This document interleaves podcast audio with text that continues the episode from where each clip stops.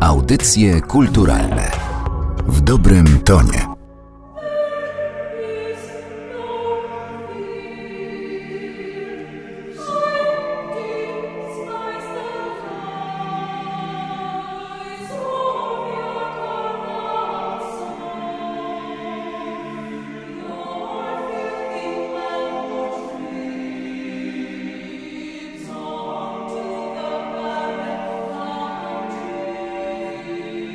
Polifoniczne spektakle Międzynarodowego Zespołu Pieśń Kozła zyskały uznanie w całym teatralnym świecie. Nagrody, entuzjastyczne recenzje, owacje na stojąco oraz wzruszenie uczestników muzycznej i teatralnej przygody. W ciągu ostatnich sezonów pieśń Kozła zapraszała do polifonicznych podróży po świecie Czechowa, Dostojewskiego, archaicznych pieśni szkockich, ale przede wszystkim do spotkań z bohaterami Szekspira. Pieśni Lira, Macbeth, Wyspa, kolejną wersję interpretacji Hamleta obejrzeć i wysłuchać będzie można na 38. warszawskich spotkaniach teatralnych, kiedy to Teatr Pieśń Kozła zaprezentuje Hamlet komentarz. O Hamlecie, Szekspirze i polifoniczności – teatrze oraz we współczesnej kulturze opowiadają dramaturg Alicja Bral oraz Grzegorz Bral, reżyser i współtwórca Teatru Pieśń Kozła.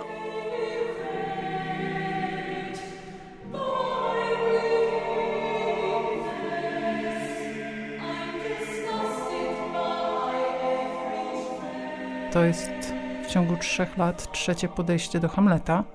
Tak, to prawda. To jest tak e, z tym dramatem dla mnie, to jest tak trochę e, jakby brakowało pewnego sezamie, otwórz się. Myślę, że mógłbym spokojnie zrobić i 10, i 15, i 20 podejść e, do Hamleta. I Pamiętam, że podobnie się zmagaliśmy z Macbethem. Do Macbeta również podchodziłem trzy razy, z tym, że do e, Macbeta podchodziłem trzy razy z takiego powodu, że nie mogłem znaleźć e, muzyki, która by mi jakby dobrze odpowiadała. Miałem bardzo karkołomne w gruncie rzeczy eksperymenty z Macbethem, bo najpierw to była muzyka, proszę sobie wyobrazić, koreańskiego gutu, czyli szamańska koreańska muzyka. Potem była to muzyka syberyjska, z Irkucka i wreszcie pojawił się Jean-Claude Aquaviva ze swoimi nagraniami, które od tamtej pory towarzyszy mi właściwie cały czas. I przy tym ostatnim Hamlecie, przy tym ostatnim naszym podejściu e, znowu wracam do swojego najważniejszego składu kompozytorskiego, czyli Maciej Rychły z Poznania i Jean-Claude Aquaviva z Korsyki, a Hamlet e, budował się najpierw przy pomocy perskich kołysanek, rozpisanych zresztą przez Maćka Rychłego na przepiękne harmonie i myśmy to robili w Londynie ze studentami. Pokazywaliśmy to zresztą dzięki profesorowi Limonowi na Gdańskim Szekspirowskim Festiwalu. I potem E, z kolei było podejście z muzyką takiej polskiej kompozytorki mieszkającej na stałe w Holandii, Kasi Szwed, zresztą znakomitej. I to nazywaliśmy Crazy God w zeszłym roku. To był duży spektakl. I to był bardzo duży spektakl. Przy czym to był też taki spektakl, w którym ja właściwie spotkałem się z wieloma nowymi aktorami. I ten spektakl był taką, taką mieszanką e, ludzi, i nie do końca udało mi się tych ludzi, że tak powiem, pozbierać w całość w końcu postanowiliśmy wrócić do stałego składu kompozytorskiego, czyli Maciej Rychły i Jean-Claude Aquaviva, ale tym razem jednocześnie zamówiłem jakby tekst do spektaklu, zamówiłem go u Alicji i Alicja napisała ten komentarz.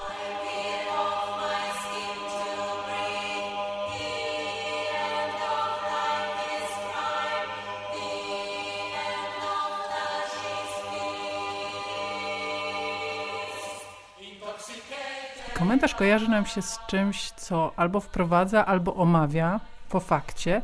Komentarz, który nie jest komentarzem, tak mi się wydaje. W pewnym sensie jest to komentarz, nawet w odniesieniu do tej tezy postawionej, co, co, znaczy komentarz, tak jak pani to ujęła, ponieważ w jakimś sensie odnosimy się już do wielu, wielu interpretacji, które widział każdy z nas Hamleta, bo Hamlet na tysiące sposobów już był przedstawiany na scenie.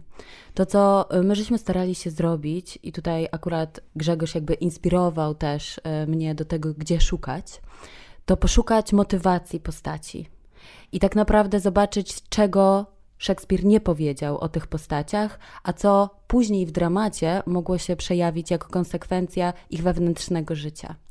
Więc to w jakimś sensie w tych metaforach poetyckich, ponieważ do pieśni skomponowane są utwory poetyckie, w tych metaforach skrywane są jakby taki koncentrat ludzkich dramatów i ludzkich e, poranień i ludzkiego przechodzenia przez ból, indywidualne przechodzenie, indywidualna motywacja, wychodzenia też z pewnych opresji.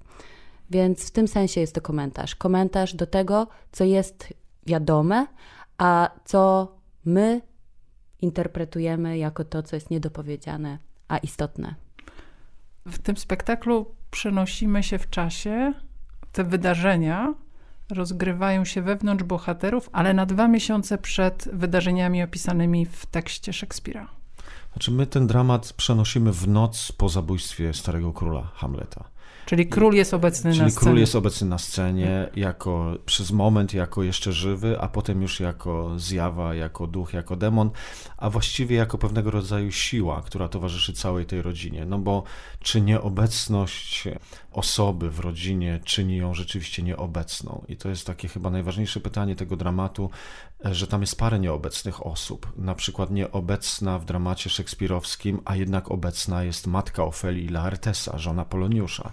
Jest nieobecna, u nas jest obecna.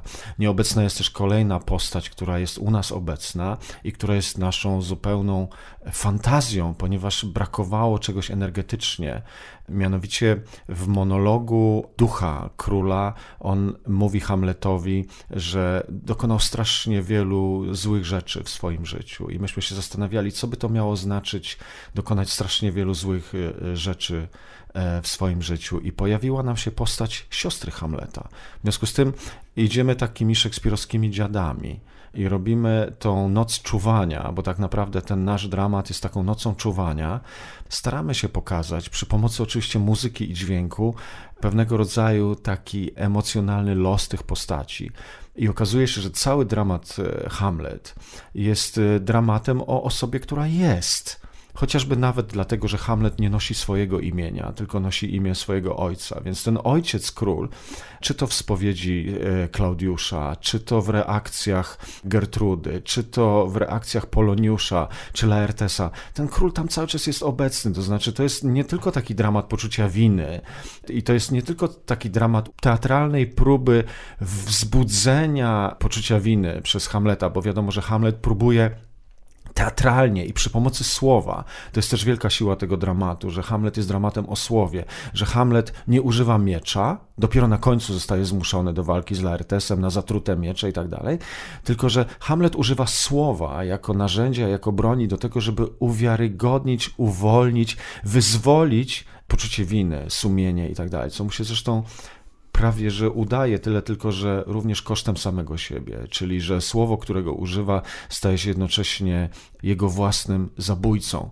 I z jednej strony to jest dramat o kimś, kto go nie ma, a kto jednak jest, a z drugiej strony to jest dramat o słowie, które staje się zabójcze. I myślę sobie, że to też był taki niezwykle fascynujący motyw na, na to, żeby dzisiaj, w momencie, kiedy wszyscy my w teatrze, znaczy nie mówię o sobie, ale mówię o teatrze, usiłujemy się opowiedzieć politycznie, to ja właśnie nie próbuję tego zrobić. Próbuję pokazać, jak zabójczą moc ma słowo i że słowo może doprowadzić do strasznych konsekwencji wtedy, kiedy się nie bierze odpowiedzialności za to słowo.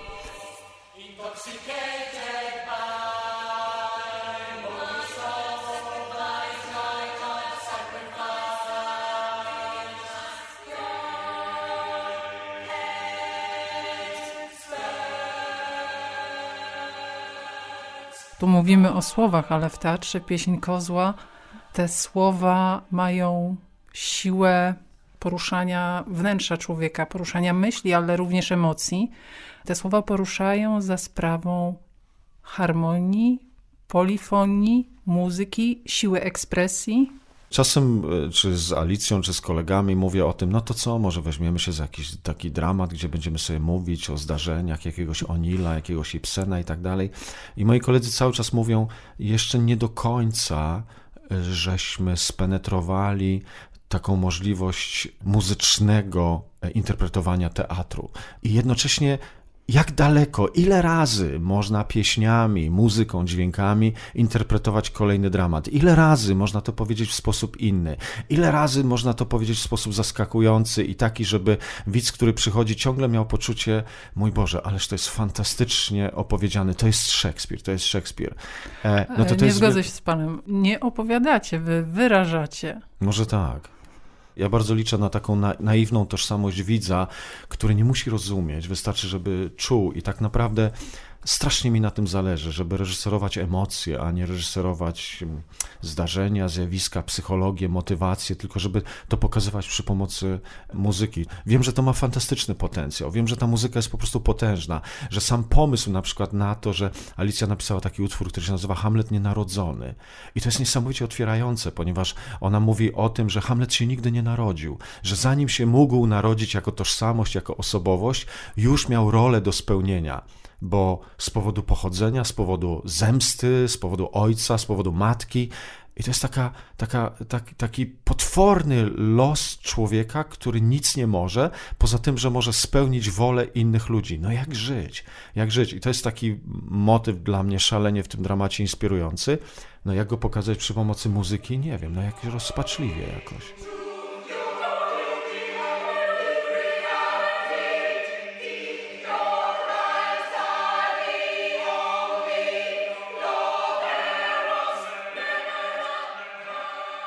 Jak to jest ze słowem, który jest niesione poprzez ekspresję wykonawczą i muzykę w tym teatrze? Ja myślę, że my ze słowem mamy pewnego rodzaju układ. I ten układ polega na tym, że słowo ma wartość energetyczną. Czyli tak jak w starożytnej Grece, że słowo energetycznie znaczy to, o czym zaświadcza. A jak pokazać to dzisiaj? Przy pomocy muzyki. To znaczy, słowo musi być muzyczne po to, żeby odzwierciedlało energię tego, o czym mówi. I dobrze, jeśli będzie wielogłosowe. Zdecydowanie dobrze, jeśli będzie wielogłosowe, harmoniczne. Zresztą ta nasza praca nad harmonią czy nad polifonią jest takim zjawiskiem, które wydaje mi się domaga się niezwykłej obecności w dzisiejszym świecie, bo oczywiście możemy mówić o tym tylko i wyłącznie jako o zjawisku teatralnym, ale możemy też mówić o tym jako o zjawisku społecznym. Czy my mówimy jednym głosem? Czy my się słyszymy? Czy my ze sobą harmonizujemy? Czy my ze sobą współgramy? Czy my rozumiemy własne tempa, nastroje? Wie pani, kiedyś uczestniczyłem w takim, powiedziałbym, eksperymencie. 300 osób usłyszało trzy zdania i prośba była taka, napisz co usłyszałeś. 300 osób napisało co innego. Znaczy, Chodzi o to, żeby sobie zadawać proste pytania. Wydaje mi się, że żyjemy w świecie emotikonów, niestety, i że ta nasza próba Hamleta czy Wyspy wcześniejszej to jest taką próbą, żeby nie żyć w świecie emotikonów, żeby nie żyć w świecie skrótów, tylko żeby się skomunikować z jakimś takim jądrem człowieczeństwa, które zawarte jest w takim odczuwaniu, nieumiejętności nawet nazywania, czy trzeba wszystko nazywać, czy nie wystarczy czasem po prostu poczuć.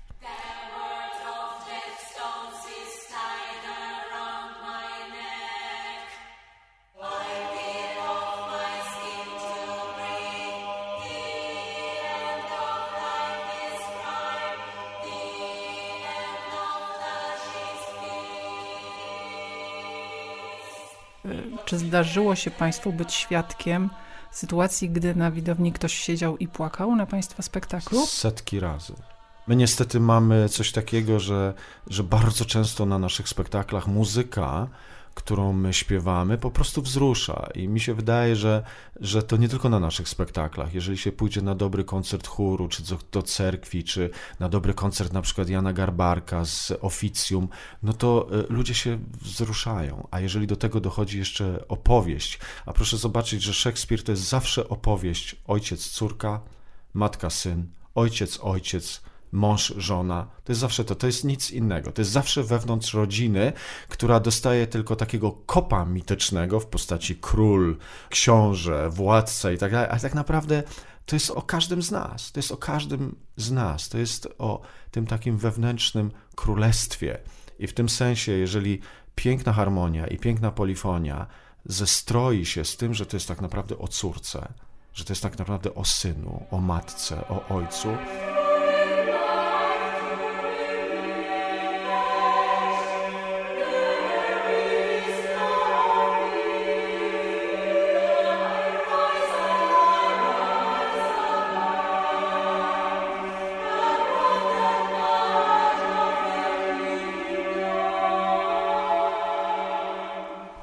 Ilu będzie wykonawców? 15 wykonawców, tym razem 14 śpiewaków, no i stary król, który właściwie nie śpiewa tym razem. Tutaj zresztą w tej roli. Ale też ciekawa postać, e, aktor.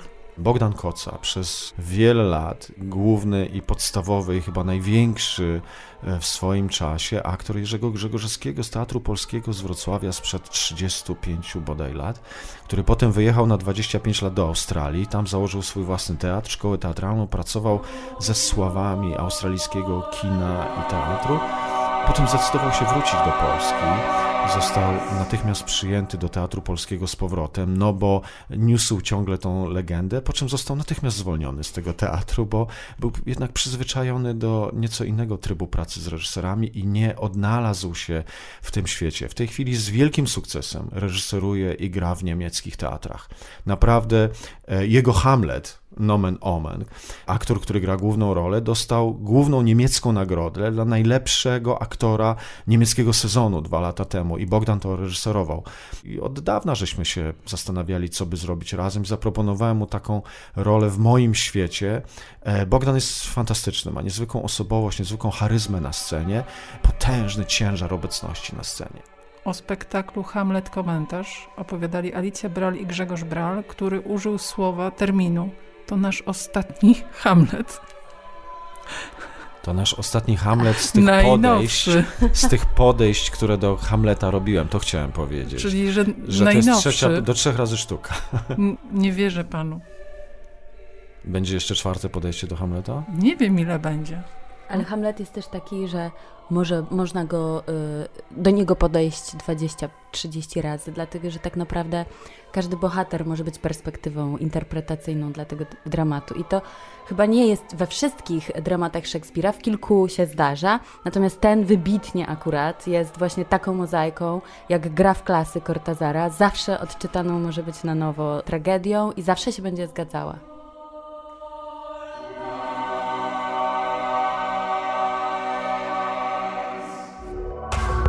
Audycje kulturalne w dobrym tonie.